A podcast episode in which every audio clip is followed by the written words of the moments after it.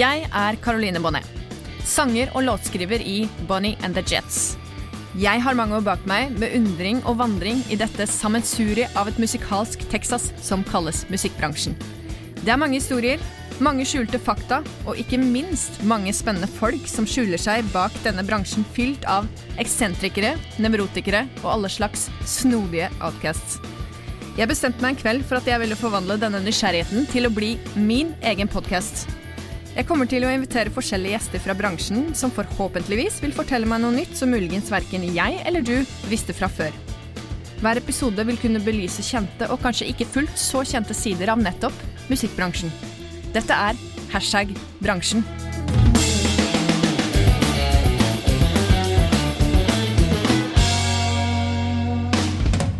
Da jeg starta opp denne podkasten om musikkbransjen, fikk jeg tips om at jeg burde invitere deg. Eh, når jeg sjekker opp navnet ditt på nett, så skjønner jeg fort hvorfor. Jarle Savio, velkommen til hashtag bransjen. Tusen takk for at jeg fikk komme. Du har jo, for å si det mildt, stødig erfaring i eh, bransjen, og du har jobba bl.a. ti år som artist og repertoarmanager hos EMI. Mm. Eh, du var head of strategic marketing for Phono Phonofile i flere år. Og du har undervist, og fortsatt gjør sikkert, eh, underviser for bransjefolk både på festivaler og diverse events. Ja, og universitet. Og universitet, ja.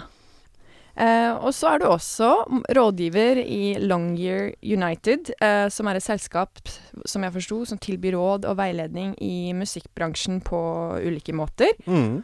Uh, du er medeier i TBC Records. Ja.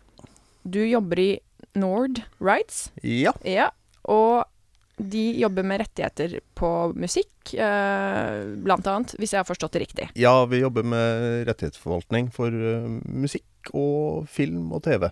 Ja. Teknologifirma. Hmm. Det er skikkelig stas at du eh, tok deg tid til å være her hos oss i hashtag bransjen, og velkommen skal du være. Jeg har jo som vanlig et spørsmål jeg pleier å stille gjesten min, og det er hva tenker du når jeg sier hashtag bransjen? Ja, da tenker jeg jo mye sånn eh, Det som er morsomt med bransjen mm. Det var jo Da jeg jobba på EMI, så hadde vi et uttrykk hele tida som var liksom bransja. Ok. Eh, jobba lenge i bransja, liksom. Mm. Altså, som var en sånn humorgreie når det kom opp eh, litt rare historier eller rare mennesker og sånne ting. Mm. Så jeg, jeg tenker jo det med en gang. Ja. Andre tenker jo helt sikkert andre ting. Ja, men kult. Uh, altså, for å si det sånn, jeg har jo også andre standardspørsmål jeg pleier å stille gjesten, men du er jo på en måte en gjest med masse, masse kunnskap og forskjellig, hva skal jeg si, erfaring på kanskje andre måter enn artister og musikere har. Men bare sånn av nysgjerrighet, har du Altså, har du noe erfaring som musiker? Kanskje du er musiker, uten at jeg vet. har, du, har du vært i den delen av bransjen? Jeg prøvde meg en gang Ja. eh, da jeg var student. Da hadde vi sånn åpen mikrofon på kroa i Bø. Ja. Eh, og da er jo et par kompiser skramla sammen med et band som heter One Night Stand. For vi skulle bare opptre én gang. Ah. Eh, og hvor jeg gjorde en låt som het Psycho. eh, som eh, en, eh, en låt om en massemorder. Okay. Eh, veldig, veldig fin låt. Eh, heldigvis så finnes ikke var det her før YouTube. ja. Så det finnes ikke noe sted. Uh, for fordi at jeg sang jo veldig surt. Uh, og uh, ute av takt. Jeg syns veldig synd på gitaristen. Så etter det der så fant jeg ut at jeg har ingenting på en scene å gjøre. Eh, jeg skal være bak scenen. Jeg kan godt bære utstyr, eller jeg kan booke, eller jeg kan gjøre hva Mm. som helst annet. Ikke være på scenen. Men så greit, da. Bare få en sånn ilddåp og bare bli ferdig med det. Ok, nei, men da, da vet jeg det. Ja, og så er jeg veldig glad for at det skjedde på en tid som eh, det ikke var eh, sosiale medier. Mm. Eh, for det Jeg er veldig glad for det, fordi at vi kunne drite oss ut Mm. Mm. hele tida. Uten at det var på Facebook eller Insta dagen etterpå. Ah, det høres så deilig ut. Det var veldig deilig. Ja. Eh, hva var det som definerte din inntreden i musikkbransjen? For du, du sa jo nettopp at du skjønte jo ganske fort at du kom til å være bak scenen, eller bak Altså i kulissene, da. Eh, jeg var jo bare veldig interessert i musikk. Eh, Mm. Og når jeg skulle begynne å studere, så, så valgte jeg studiested ut ifra hvor det var mye konserter. Eh, Så jeg så da på Trondheim og eh, NTH, som det het den gangen. Ja. Og så fant jeg Bø i Telemark og et natur- og miljøvernstudie. Og der var det jo veldig mye konserter. Så da Det- begynte jeg der. Det Eh, har, der har jeg også vært på konsert. Det er Ja. veldig, veldig kult på kroa i Bø. Så det var egentlig så enkelt som det. Eh, og så eh, sitter jeg bare et sånt derre møte i Bø for nye studenter. Alle sånne studentgrupper og utvalg driver og presenterer seg. Kro og Kultur, som arrangerer konserter, presenterte seg. eh, Og i stedet for å drive og prate masse, så gikk eh, da Stein Arne Blomseth på scenen og sa 'Kroa hei', 'Kroa hei', 'Kroa hei, hei, hei'. Og så gikk han. Eh, og det var jo kjempegøy. Og så ble jeg advart mot den gjengen, fordi Mm. at dem, det var bare bråk. Så da var det jo så fort det var pause, var borte og presentere seg og prøve å bli med der. Ja. Ja. Så du ble en stor del av det miljøet der, da, egentlig? Ja, Um, etter et halvt år så kom jeg inn som bookingansvarlig. Ja. Uh, og uh, satt som bookingansvarlig og leder av eh, studentkroa i fire år, eller noe sånt. Bodde jo 50 meter bak kroa, eh, og var mer på kroa enn på forelesning. Ikke sant. Har du en hashtag bransjen-historie du aldri glemmer? Sånn uh, fra den tida der, f.eks. når du drev og booka på kroa i Bø, eller? Ja, jeg husker jo den første konserten på den nye scenen som vi bygde. Vi bygde en ny scene der nede. Eh, og vi skulle ha, skulle ha Barbie Bones. Vi hadde jo ikke tenkt over at en ny scene, den, eh, det kanskje feeder litt. Og, Mm. og det feeda noe veldig, for det var betongvegger overalt. Ja. Eh, Så da var vi ute, og så stjal vi eh, bygningsmatter fra en byggeplass rett ved siden av. eh, Et kvarter før konserten, og stabla opp masse Rockwool-plater på scenen. Og det syntes jo Barbie Bonds var helt fantastisk. Rock and wool. Så det var jo mye sånne historier fra Bø, og vi hadde veldig mye artister der som ikke kom andre steder fordi vi var så nært Oslo. Eh, og mange artister valgte å starte turneer der, for det var off Broadway. Så det kom ikke noe medie dit, liksom. Så det var sånn prøvestart. Mm. Så vi var veldig heldige sånn sett den gangen. Og vi kjørte jo konserter konsekvent på lørdager. Eh, enda vi kunne ha kjørt diskotek på lørdager og tjent mye, mye mer penger. Men det var en policy på at eh, det skulle være kultur til folket. Og det var bare studentkroa der. Det var ikke noe særlig andre ting. Nei. Så vi bestemte jo hva som skulle skje. Kult. Lever den enda, forresten? Ja da, og Den nå har de fått seg en ny kro. eh, som ser akkurat ut som den gamle, og det er veldig gøy. Ja. Eh, nå er det jo ikke så mye aktivitet der i år pga. Covid. Mm. Men eh, det er jo en, skal være en studentuke der nå i februar. Mm. Så hvis det løses opp litt, så skal jeg opp dit og se konsert, har jeg tenkt. Men hvis jeg forstår deg riktig, så dro du til Bø i Telemark for å studere mm, miljø, var det Mhm, sånn? Ja. Og så endte du opp med å egentlig booke mer konserter enn å være student? ja, etter to år på natur- og miljøvernfag så Mhm. ble jeg litt sånn lei av eh, å sitte og demonstrere mot nedlegging av jernbane og Ja. sånne ting. Um, Fremdeles interessert i miljøvern, betyr mye. Men eh, jeg skjønte at jeg var på feil hylle, og så begynte jeg å studere kultur egentlig mens jeg gikk på natur. Aha, Og så gikk jeg tre år på kulturstudiet. Nettopp. Så da skjønte du at ok, det er musikkbransjen jeg skal eh, holde på i. Ja. Uh, Ramla inn i det, og så, eh, måtte jeg skrive en oppgave. Uh, og da trengte jeg praksisplass, og så mm, da begynte, hadde jeg praksis hos Artistpartner aha. med booking. Uh, og uh, hjalp da til med Millimeter-turneen med Anne Grete Preus. Så det var jo en ilddåp. Ja. Uh, og så begynte jeg å jobbe der samme år, i eh, juli samme år. Mm. Og husker fremdeles da min første lønn som profesjonell, eh, for jo, det var jo provisjonsbasert. Og det var en konsert med Tim Scott McConnell eh, i juli det året, og da Mm. fikk jeg en månedslønn på 917 kroner. Det var min første månedslønn som profesjonell. Ja. og nå gir jeg jo ut Tim Scott eh, på TBC Records. Han kaller seg jo nå da Ledfoot. ja, han har jeg hørt på. Veldig bra. Så ringen er slutta. Ja. Morsomt. Men hvilket år snakker vi da? Når du er sier 94. 94, ja. Mm. Ja. Det er jo noen år siden, det. Det er noen år siden, Ja. og det var liksom da det blei Altså, jeg booka ting jeg likte. Dipsomaniacs, for eksempel. Israelvis. Ja. Forholdsvis undergrunnsting. Mm.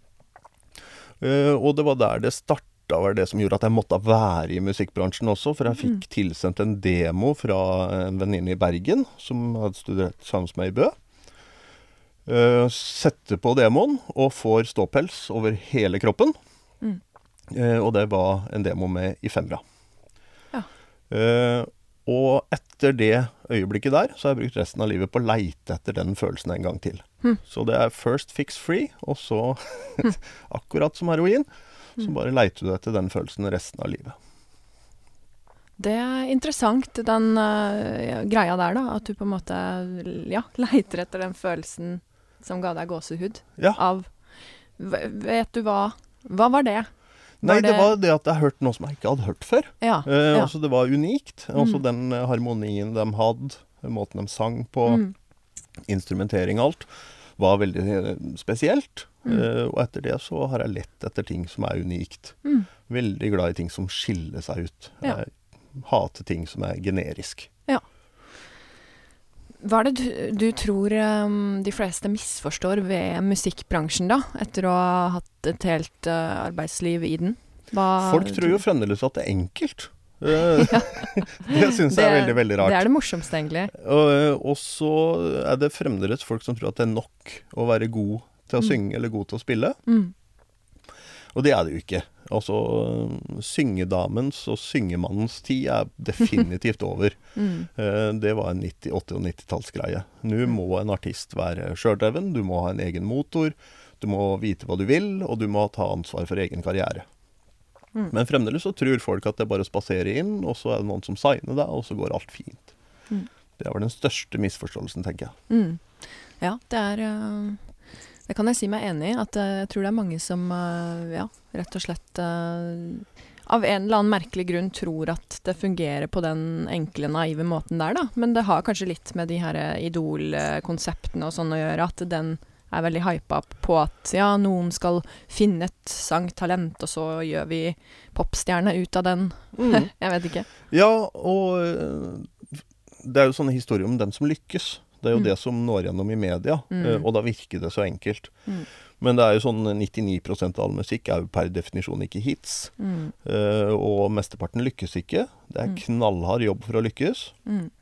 Veldig mange gir opp altfor tidlig. Ja. eh, fordi at det handler om å gjøre greia si og være tro, tro mot seg sjøl. Og så er du Mm. plutselig på rett sted til rett tid Mm. Mm. med musikken uten å forandre det. Ja. Og så er det en del som tenker det at nei, men jeg må jo lage det som er populært.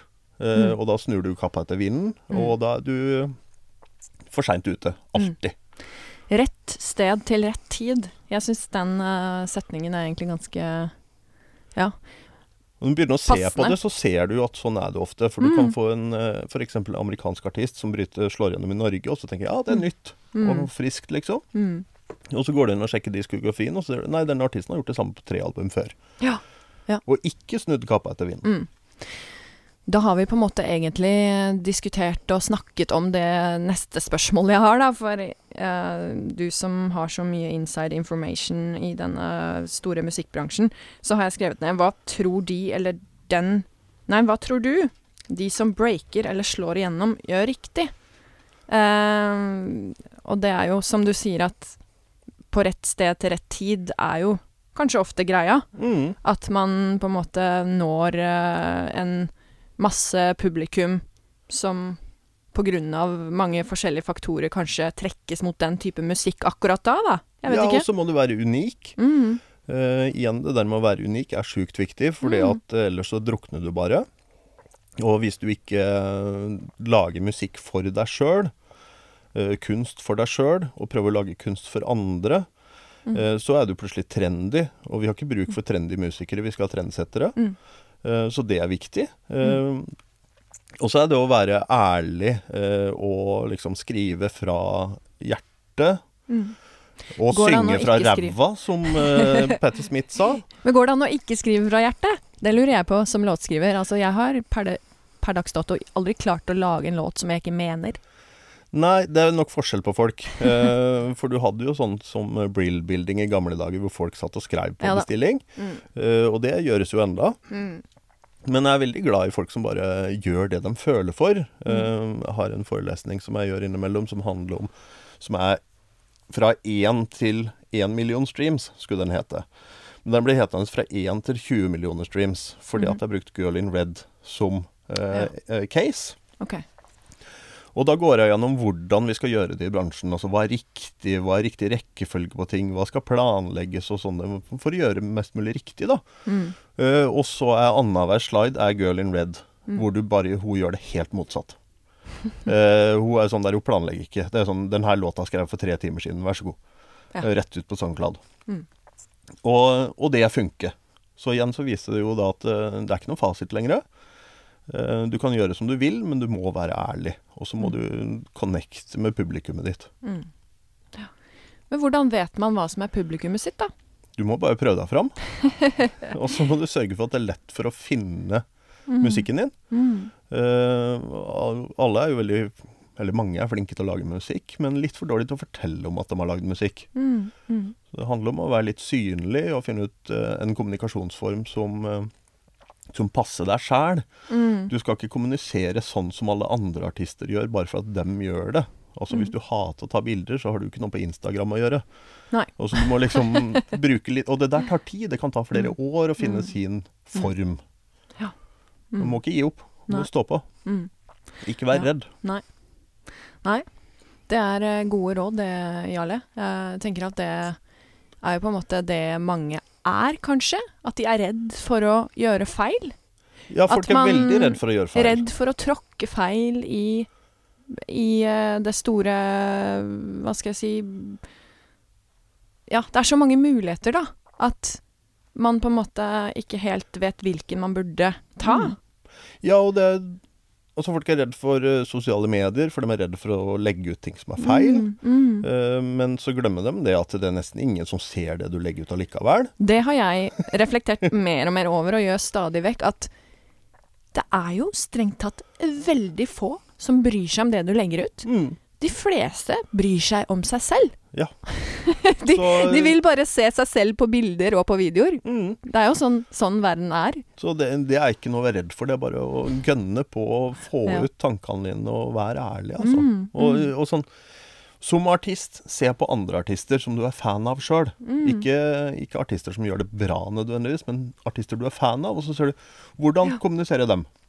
Mm. Hva liker jeg av måten de kommuniserer på? Hva liker jeg ikke? Og så kan du gjøre det samme sjøl. For fans og artister er ganske like hverandre som mennesker. Ja. Eh, Så dermed så lærer du veldig mye. Så 'think like a fan' er liksom mantraet mitt alltid. Hvis jeg står fast, 'think like a fan'. Finn en artist jeg er fan av, se hvordan de gjør det. Så kan jeg finne en løsning for andre. Det var veldig eh, spennende og kloke ord, altså. Og det er jo bare Veldig fordi lurt. at vi eh, slutta å tenke på fans i musikkbransjen. Det var bare business ganske lenge. Ja. Var markedsføring. Men hvorfor slutta vi med det, da? Nei, det er mange mulige uh, løs... uh, altså, det kan være at med streamingen ved at vi mista eh, det der nære forholdet mellom fans og artister. Mm. For med fysisk format så er det sånn du går ut og kjøper en ting, og da avgir du en stemme på artisten din. Nettopp. Uh, og det forsvant litt med streaming. Og så ble musikk veldig hemmelig en periode i forbindelse med altså uh, Napster. Ja, hva Eh, var det for noe? Det, når du sier Napster, så husker jeg det sånn så vidt, men hva Nei, det var jo eh, peer-to-peer fildeling. Ja. eh, Og da var jo plutselig alt av musikk i hele verden tilgjengelig gratis. Uh, Ja. Og dem som la ut musikken, eide jo ikke musikken. Ja. Så den delen av det var jo et problem. Hvilket år snakker vi da? Er det Det tidlig 90-tall. tidlig 90-tallet? Mm. Ja. Og utover ja, Eller ikke, nei, ikke tidlig 90-tall. Det kom mot slutten av 90-tallet, de første tinga. Og så Ja. kom da Napster kom i tidlig 2000. Det kan stemme, for Ja. da var jeg voksen nok til å skjønne, skjønne noe. og, og dermed så ble folk redd for lekkasjer. Eh, og så ble musikk hemmelig. Eh, Mm. Så journalister fikk musikk to dager før release, for de var redd for lekkasje. Mens før det så var det jo sånn at min samboer, som da jobba i Universal på den tida, ga jo ut brente CD-er med f.eks. Queens of the Stone Age til journalister et halvt år før release. Mm. Uh, og da var det mye lettere å lykkes, for Mm. journalisten hadde jo hørt på det her lenge, Ja. og du stolte på journalisten. Mens med den her frykta for lekkasjer, så blei plutselig alt så veldig hemmelig. Og det sliter vi litt med ennå. Det, det var helt nytt for meg, den uh, Hva skal jeg si? Den historien du forteller nå om frykt for lekkasje, og at det ble på en måte hemmeliggjort og den greia der, da. Men det er jo veldig interessant å tenke på eh, sosiale mediers eh, vei videre, da. Mm. Sånn sett. Hvordan ting har blitt kanskje ekstremt åpent. Ja, ja. Altså som du sier at noen artister legger ut en låt et, to timer etter de har skrevet den, liksom. Mm. Og ja, at noen formidler ting på Snapchat uh, som blir slettet da seinere. Ja. Det er jo liksom Det er jo en så ukritisk sosial eh, medieverden at det er på en måte ikke noen regler lenger, kanskje. Det er ikke noen regler, og så er det jo sånn at uh, det lages jo helt latterlig mye musikk. Mm. Uh, også det kommer øh, 45 000 nye låter på Spotify hver dag hele året. Uh, og det er plass til 60 på New Music Friday, liksom. Så 45 000 Ja. låter ja, hver, hver dag. hver dag. Hver dag hele året. Wow. Uh, Hvor er Altså majoriteten, tipper jeg, da, er fra eh, de landene som har mest penger i verden. De som er opptatt av å selvrealisere seg selv. Altså, ikke sant eh, Nord-Europa, USA. mm. Folk som har mulighet til å lage musikk og Ja. drive med sånt. Ja, Ja. og altså produksjonsmidlene har blitt demokratisert, for å ta en parafrase av Marx. Mm. Uh, alle har en laptop Ja. uh, med en mikrofoninngang. Mm. Uh, og alle kan lage musikk hele døgnet når de Mm. vil, og sende det til hvem de vil. Mm. Mm. Og det er jo også et problem for bransjen. Altså the tyranny of choice. Altså når du har for mange muligheter, for mange valg, så velger du et eller annet gammelt du har hørt fra før. Ja. Og vi får også det jeg kaller the shit river, Uh, som er da all søppelmusikken. Eh, Mm. altså amatørmusikken som ligger Mm. der ute, side om side med det som er av god kvalitet. Mm. Og det, den søpla skygger jo for det som er ordentlig bra, så det blir aldri oppdaga. For det er liksom en elv av søppel mellom meg og den virkelig bra musikken. Og vi er ikke så mange som gidder å bruke mange timer i uka på å finne ny musikk. Ha. Det her er veldig interessant, uh, merker jeg, å snakke om. For det er uh, Ja, det er på en måte kjernen til mange av utfordringene i bransjen, tenker jeg. Ja, det er det. det å på en måte få de tallene på bordet, da. 45 000 låter blir gitt ut hver dag. Mm.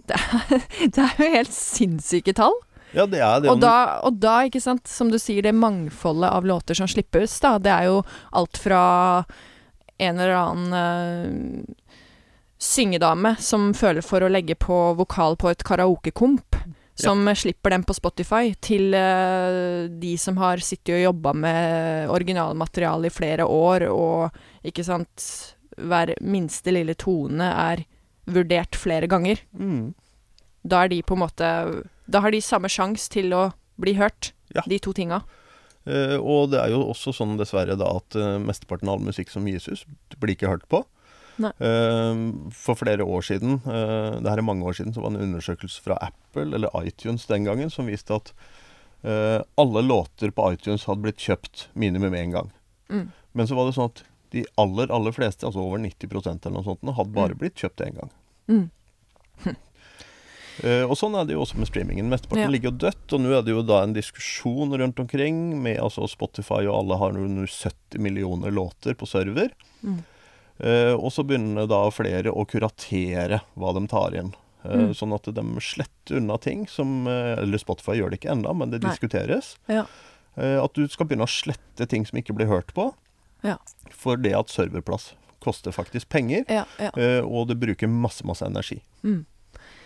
ja, fordi det spillelisteopplegget, det syns jeg er vanskelig å skjønne meg på.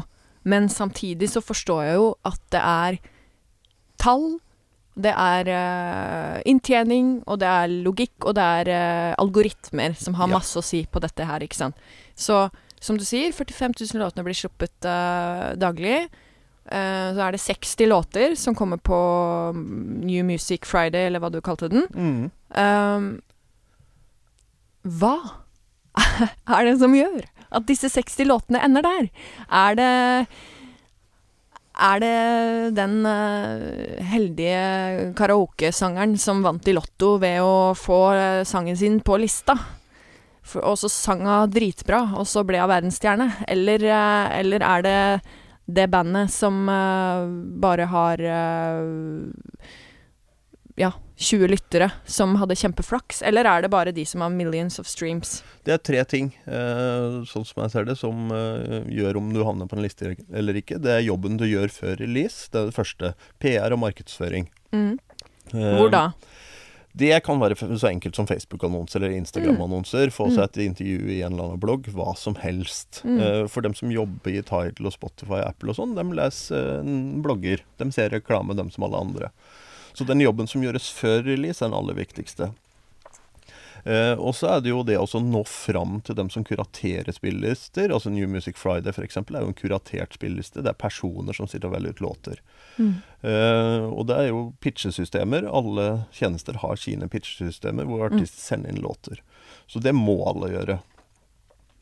Eh, og så er det i etterkant så er det jo da algoritmer. Eh, For det er jo veldig mange lister som er algoritmebaserte.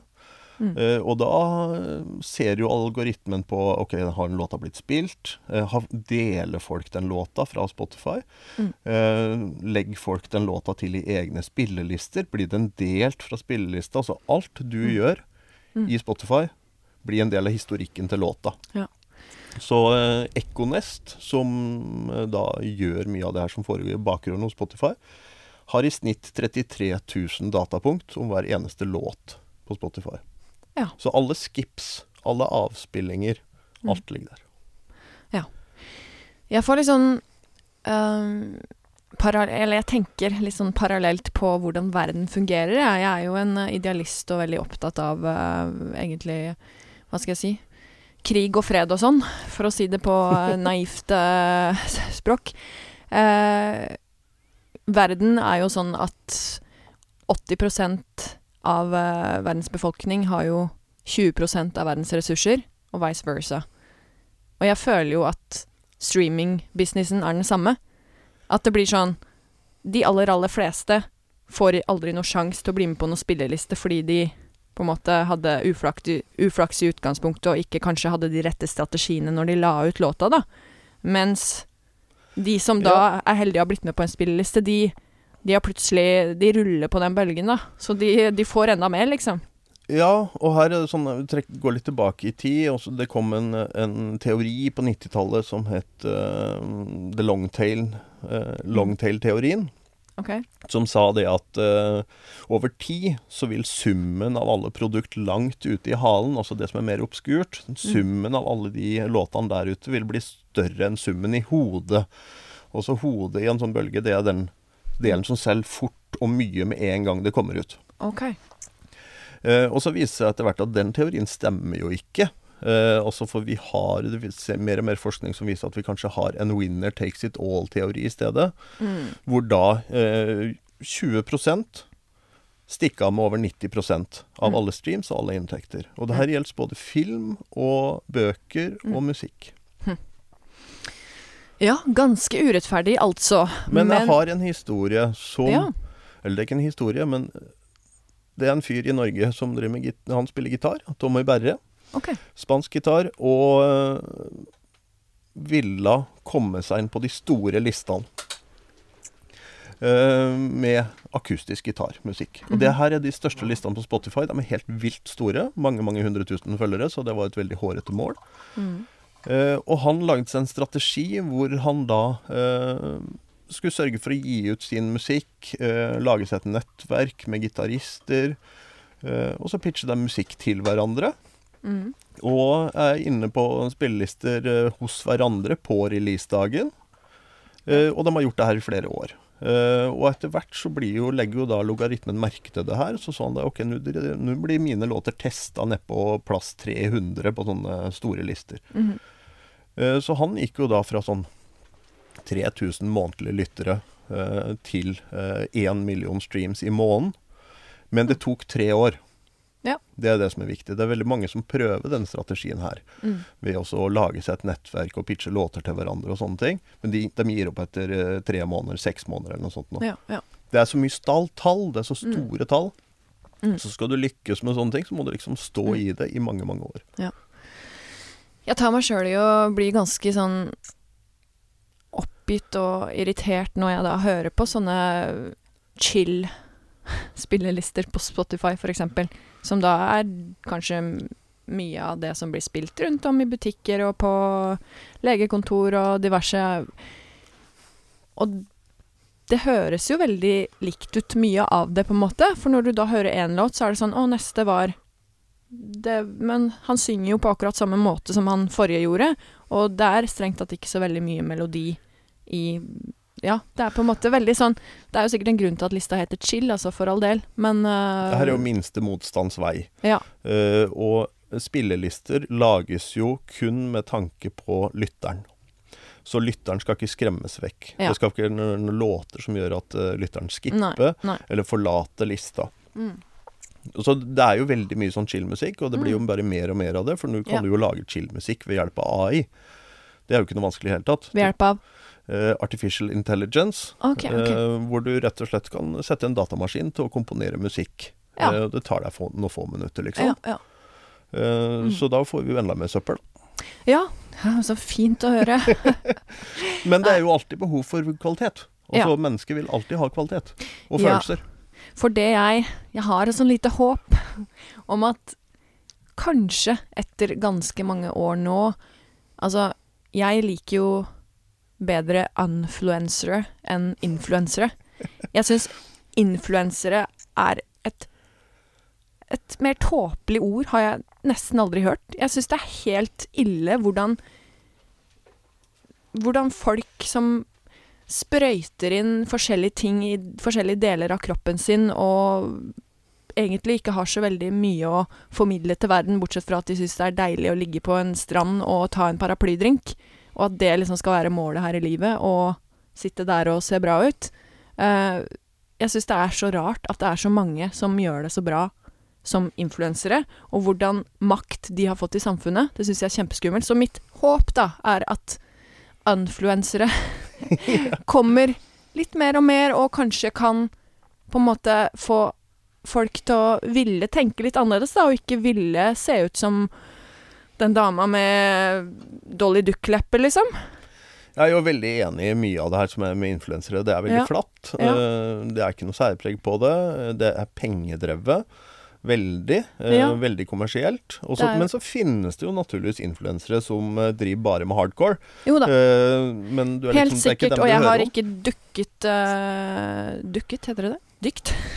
Nok inn i materialet til å egentlig kunne Så det var ikke noe til dere influensere som uh, er eh, Som driver med bra ting. Som driver med bra ting. Tommel opp, altså. Det her er jo en del av eh, kjendiskulturen, ja, ikke sant? hvor ja. det at alle skal bli Alle har et mål om å bli kjendis, Ja. eller kjendis, da. Eh, og, tror at, Kjendis. og tror at kjendis er et yrke. Ja. ja. Eh, mens kjendis er jo ikke et yrke det er noe du blir Før så var det noe du blei i form av et eller annet du kunne. I dag så er jo kjendis noe du blir i form av at du plutselig har vært på TV. Mm, ja. Eh, altså det, det har lite med kunnskap eller eh, kvalitet på et eller annet håndverk eller eh, meninger og sånne ting. Mm. Nå har vi en kjendiskultur. Ja. Eh, og eh, det ble jo spådd, det her med at eh, Andrew Warhol sa det at i, i fremtida så kommer alle til å være kjent i 15 minutter. Eh, så han sa jo ikke at alle kom til å være kjent, men han sa at Mm. berømmelsen kom til å vare i 15 minutter. Og det er jo der vi er. Ja, og det er jo en veldig merkelig tid vi er i, for å si det mildt. Men jeg, mitt eh, håp er jo som sagt at kanskje andre verdier, og at kvalitet framfor kvantitet blir satt pris på mer og mer, da. Det er- Enhver reaksjon fordrer en motreaksjon. Mm, mm. Uh, og, og du ser det jo på musikk veldig fort. Uh, for det at, det at vi har hatt Trump i USA i fire år, har jo gjort Mm. noe med musikken. ja, hva tenker Altså du om det? Altså, du har uh, mer sinna hardcore i USA nå enn det var før Trump. Mm. Eh, Så det gjør noe med den delen av musikken. Du får en motreaksjon. Eh, det er flere unge jenter som går rundt i gata i Oslo nå med gigbag på skuldra Mm. enn det var før. Og så er det mer gitar og mer analogt igjen. Så vi Mm. får en bølge tilbake igjen med Mm. ordentlige instrumenter. Mm. Og der er jo ikke noe nytt. Det var jo sånn under Thatcher også. Og så Ja. det hadde ikke vært noe punk uten Thatcher. Eller det hadde jo vært det, men hun, hun la jo Hun Ja. ødela jo Det landet ble en provokasjon. Ja. Mm. Ja. Så da, da fikk vi punk. Så eh, dårlige ledere kan uh, føre Mm. til at det lages bra musikk, da. Ja, men det er klart det er eh, gode refleksjoner, absolutt. Hva tenker du om um, labels kontra gi ut musikk selv? Altså tilbake til det å på en måte være musiker eller artist i musikkbransjen i disse dager, da. Tror du det har noe å si?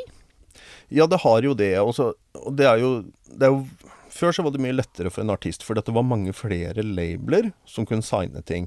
Og så vi snakker majors, så var det jo fem. Nå er det tre. Ja. Ikke sant? For nå har du jo eh, Warner, eh, Universal og Sony igjen. Ja. Mens eh, jeg jobba i EMI, da var vi fire. Før der så hadde du jo enda flere, ikke sant. Mm. Eh, og de tre som er igjen, kan ikke signe så mye som de gjorde før. Eh, Indian har jo mindre katalog, og dermed også mindre penger til å investere, så de kan heller ikke investere så mye som de gjorde før. Og dermed så må mange artister gi det ut sjøl. Mm. Uh, økonomisk sett så vil jo det nesten alltid lønne seg, fordi du eier din egen master, Mm. uh, og dine barn arver den masteren. Mm. Så det lønner seg, men det er mye jobb. Men jeg bruker å si til artister at uh, ta den utgiften hvis du kan. Mm. Spill inn sjøl. Mm. Leie inn hjelp når du trenger hjelp, altså PR og markedsføring f.eks. Planlegging. Og så tar du alle utgiftene på år én og går dundrende underskudd, men derfra ut så er det jo ren inntekt. Mm. Uh, og når vi først er inne på det her med å gi ut sjøl, så savner jo jeg uh, kooperativer. At artister går sammen og lager seg et kooperativ. Én artist finner flere andre som ligner litt på seg sjøl. OK. Lage et felles selskap. Legg alle mastere og alle, ut, eh, alle innspillinger i ett selskap og stå sammen. Mm. for da vil du også få data fra flere artister inn i forhold til spillelister f.eks., som Ja. gjør at du kan pitche musikk mot andre spillelister som du ikke visste av hvis du bare holdt på for deg sjøl. Mm. I tillegg så vil økonomien bli bedre. Du har kanskje mulighet til å ansette en person på halv tid for å jobbe med tre-fire artister. Én artist har jo ikke råd til det. Nei. Eh, Men det er altfor mye tuetenking, da. Alle sitter på hver sin lille tue. Men jeg er veldig glad i også eh, Braveheart Records har gjort det her. Altså Hollywood eh, og Michael Paskalev, Jonas Alaska og Billy Van. Ja. Starta et felles selskap og la alle sine ting i et felles selskap. Mm. Godt tenkt, og jeg håper at flere gjør det. Ja. Hva tenker du om drømmen om at fysisk format blir en greie igjen? Jeg, jeg syns jo at det er en greie, jeg, da. Ja da, Eh, det er jo det for spesielt interesserte. Kjøpe vinyl. Nei, Ja. altså det fysiske vil aldri forsvinne helt, fordi at eh, vi har Altså fans har en, et behov for å ha noe håndfast. Mm. Eh, Det er mye mer følelser i en vinyl. Eller en CD. Eh, og det funker jo mye bedre også som sjekketriks. Altså Skal du Mm. være med hjem og se på platesamlingen min, funker jo mye bedre enn skal du være med hjem og se på spillelistene mine. Uh, altså, det er Ja. mye mer følelse i fysiske ting. Folk vil ha det. Mm. Mm. Eh, og vi ser det at vinylen selger bra. CD selger faktisk i en del territorier. Tyskland og sånt nå. Ja. Den er vel på vei litt tilbake her i Norge òg, kanskje? CD-en? Ja, altså Ser at det selges overraskende mye CD, altså. Ja. Uh, og vi ser også at hvis vi har gått tom for vinyl, og selger eh, vinyl og CD på en konsert, Mm. går vi tom for vinyl, så kjøper folk CD. Ja. Uh, for du skal ha et minne fra den konserten. Mm. Mm. Uh, Men vinylen vil overleve CD-en. Det er jeg ganske bombesikker på. Ja. For CD-en er en anakronisme. Det er en, en digital ting Mm. på et, et fysisk format. Ja. Mens vinylen den er analog, og den er annerledes. Hva tenker du om eh, albumformatet kontra singel? Altså, det er jo blitt veldig, veldig vanlig å gi ut låt for låt for låt for låt, og så mm, har det kanskje ikke nødvendigvis noe rød tråd. Noe har det, mye har det, men at det på en måte slippes en og en låt, da. For mange artister. Det er også litt sånn sjangeravhengig. Eh, Ja. Albumet vil alltid bestå. Eh, Mm. For det vil alltid ha artister, også skapende mennesker, som har lyst til å lage et, et stykke, eh, et verk, som Mm. har en sammenheng, Ja. og hvor det finnes en rød tråd i låter og sånt. nå. Mm. Og så er det her med singelstrategi, sånn å gi ut masse singler, det er jo slett ikke noe nytt. Det var jo sånn Beatles gjorde det. Var det det? ja? Eh, For det var jo ikke noe album først. Det var sjutommere. Mm. Og så ga da artister ut eh, åtte-ti eh, sjutommere, Ja. og så ble det her samla på et album i etterkant. Så historien gjentar seg sjøl. OK, OK. Ja. Nei, men det Det var jeg ikke klar over. Det er kult. Men Tilbake til der du har jobba tidligere, Phonofile. Hva er egentlig det? Det var distribusjon av Var? Det, Det, fins ikke ja. lenger, nei. ja. Eh, jeg har jo en historie med å jobbe for firmaer som blir kjøpt. Mm. Eh, jeg jobba jo i EMI, og EMI ble jo kjøpt og solgt eh, hele tida. EMI okay. var jo faktisk eid en periode av Citibank. De der, den banken som lurte alle kommunene oppe i Midt-Norge og Nord-Norge. Ja, stemmer. Nei. Og så ble jo EMI da splitta og solgt til Warner og Universal, og slutta å eksistere. Eh, og EMI Norge var jo Norges eldste plateselskap. Hadde Norges eldste plateinnspilling, en innlesning av Terje Vigen, som ble gjort i 1905 eller noe sånt. Nå. Oi. Uh, og da begynte jeg å jobbe i Fonofile etter det. Mm -hmm. uh, og uavhengig musikkdistributør. Uh, en Ja. av de eldste i Europa, om ikke i verden. Mm. ble starta før iTunes kom. Ja. Altså før det fantes butikk, så ble det starta. Mm. Sånn folk her var veldig så langt framover i tid. Mm. Eh, og så begynte vi å se hvordan vi skulle ta over mer av verden. Og vi hadde jo et, en, en felles greie om å få nordisk musikk ut i verden. Mm. Eh, vi slo oss sammen som et tysk firma, som et Fine Tunes, og eh, for å få litt bedre fotfeste i Tyskland. Men så var det jo da noen investorer og ting som gikk litt sånn bak ryggen på, på oss, eh, og flippa det videre til eh, Sony. Eh, Så vi ble da kjøpt av The Orchard, som er da Sony. Hm. Og da var det For min del så var prosjektet borte. Altså det her med oss mot verden Hm. var litt borte. Så da slutta jeg. Og så Ja. Hm. har jeg jobba frilans en periode, og jobber nå da i Nordrights Mm. med eh, utvikling av teknologi. Og så jobber jeg i Secret til Nord, som er distributør igjen. Mm. Som er da eh, en merkevare som er eid av Nordrights og Secretly Distribution i USA, som er en uavhengig distributør. Hvordan klarer du å holde styr på alle de forskjellige rollene du har i de forskjellige selskapene? Ja, det er jo litt vanskelig innimellom. Ja. Altså, jeg har jo tusen hatter eh, Mm. til tider. Eh, men alt handler om musikk.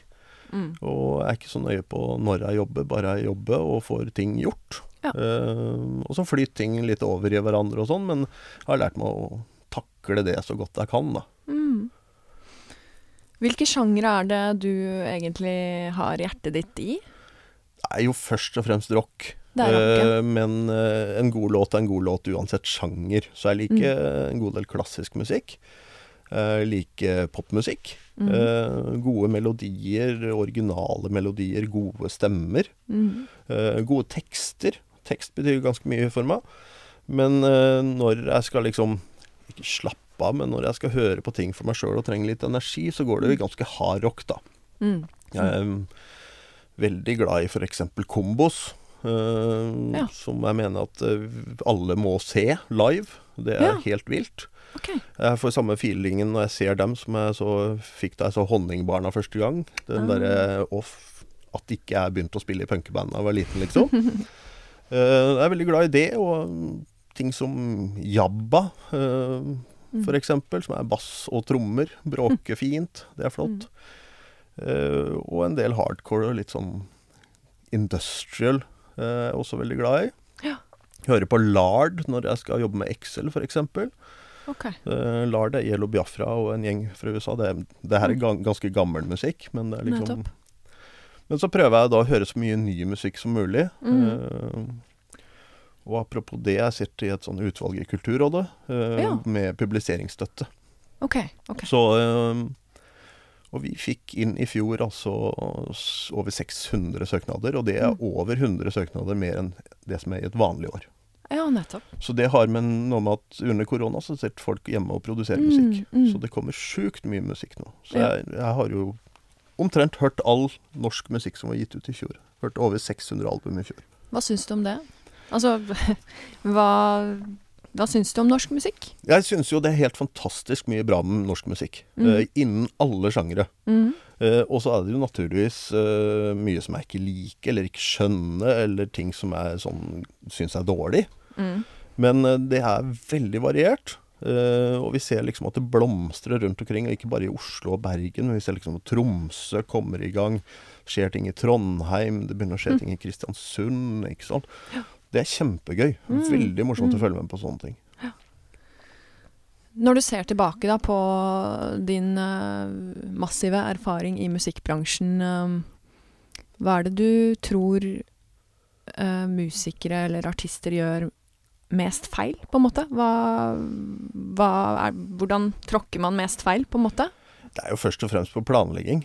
Ja. Eh, for alle veit at du, vi skal spille inn et eller annet, og vi skal Mm. gi det ut. Det er Mm. liksom planen. Ja. Eh, og det er for lite plan. Mm. For da går folk i studio, og så glemmer de å gjøre de tinga i studio som er gratis da, og dyrt Mm. seinere. F.eks. det å lage en video fra studio. Altså en live-video fra studio. Det er jo gratis når du allerede har leid studio. Ja. Mens mange ender da opp med når albumet skal gis ut, så må de leie det samme studio på nytt for å Mm. fake en video. Mm. Uh, Så det kan være så enkelt som det der. Og du begynner å tenke på releasen altfor seint. Ja. Sånn at hodet ditt er ikke innstilt på det der med å tenke release. Mm. Så derfor må du begynne å planlegge tidlig, for da lurer du hjernen din til å tro at det er release i morgen. Og så okay. får du ideer som faktisk kan brukes. Ja. For ideer som kommer seinere enn 30 dager før release, kan Mm. du ikke bruke. Nei. For du klarer ikke å gjennomføre ideen bra Mm. nok, og du ødelegger en god idé. Så det du sier er at eh, alle eh, Hva skal jeg si Alle skapende innen musikk burde egentlig være strateger også. Ja, men Ikke så mye strateg, men du må ha et dokument et eller Mm. annet sted med en snarvei på mobilen din som, eh, hvor det første punktet er ideer. Ja. Og hver gang du kommer på en idé, Mm. så skriv den ned der Mm. uten å sensurere deg sjæl. Ja. og det her gjør du lang tid og alltid. Og så ser du ok, den ideen her kan jeg bruke, den her Mm. kom for seint, den må jeg heller bruke på neste album. Ja. Og så bare tenke Mm, sånn. Hva er kreativt, hva er morsomt? Mm. Uh, og tenke hvordan kan du få PR og markedsføring til å være en del av kunsten, da. Mm. Uh, For da er plutselig For hvis jeg sier til artister ja, men du må annonsere Nei, annonser er kjedelig. Ja. Løp og kjøp. Mm. Ikke sant? Kjempekjedelig. Mm. Men det er jo løp og kjøp du kommer på hvis du begynner å tenke på det her en måned før release. Ja. Det, det, da klarer du bare å tenke Mm. løp og kjøp. Ja. Men hvis du tenker på det seks måneder før, så Mm. kan du lage eh, annonser som er en del av kunsten din. For eksempel. Smarte råd, det, altså. Men når du ser eh, enda en gang tilbake på eh, tida di i musikkbransjen og tenker hva du ville gjort annerledes, er det noe annet Altså, ville du på en måte hatt en annen approach til det hele, eller tenker du at det var Du var på rett sted til rett tid? Altså, jeg er veldig heldig, føler jeg. Altså, jeg har bare ramla gjennom ting ved Mm. at jeg sier ja. Ja, du er et ja-menneske? Jeg sier ja til Ja. Mm. ting. Eh, og det er nok noen som er uenig i det. men, eh, men når det gjelder jobb og utfordringer, så sier jeg ja. Og så Mm. tenker jeg etterpå søren, hva sa jeg ja til nå? Det her kan jeg jo ikke. Mm. Og så må jeg bare fikse det. Altså, Mm. Da må du bare lære deg det du skal Mm. gjøre i hui og hast, og så fikser du det. Mm. Bare si ja til ting, og så ramle gjennom livet. Det syns jeg er en veldig bra måte å gjøre det på. Eh, du angrer jo aldri på det du har sagt ja til, eller det du har gjort. Du Mm. angrer på det du ikke har gjort. Ja, enig i det. Og, Mm. eh, nei, så det er ikke så mye jeg ville ha gjort annerledes. Jeg ville ha kanskje eh, skjønt Jeg ville ha tenkt at ikke spander Tequila på alle artistene av egen lomme. Eh, det finnes noe som heter representasjonskonto. Uh, og så det visste jo ikke jeg. Nei. Så jeg i årevis, sikkert åtte år, så spanderte jeg på alle artister av egen lomme. Ja. Uh, helt til jeg kom i EMI og fikk skjønt at ok, det finnes representasjonskonto, ja. og der fikk jeg jo kjeft uh, av han som var sjefen min, for det at jeg representerte altfor lite. Oh. Ja. Ja. Eh, for det var liksom måtte ut og spandere på artister og ja, ja. sørge for at de var interessert okay. hjemme. Da. Nei, men uh, vi satser på at karma har gjort sitt med den eh, sjenerøsiteten din, da. Vi håper det. Ja. Tusen hjertelig takk for at du kom hit i Lekerommet studio, Jarle. Det var superhyggelig å snakke med deg om bransjen. Takk i like måte. Er det noe annet du har på hjertet før vi takker for i dag? Jeg har, føler vel egentlig at jeg har prata ganske bra nå, da. Ja, jeg Altså, synes det, det er altså. sånn det er vel, Jeg har noe mantra, det er sånn ikke gi opp. Ja. uh, det Ikke gi opp. Det er veldig viktig. Mm. Dyrk det spesielle. Mhm. Dyrk det som er rart. Dyrk, dyrk det som er rart. Ja, for det, det gjør at du skiller deg ut. Dyrk det som er rart, folkens. Det er viktig. Ja. Tusen takk for at du hører på hashtag bransjen.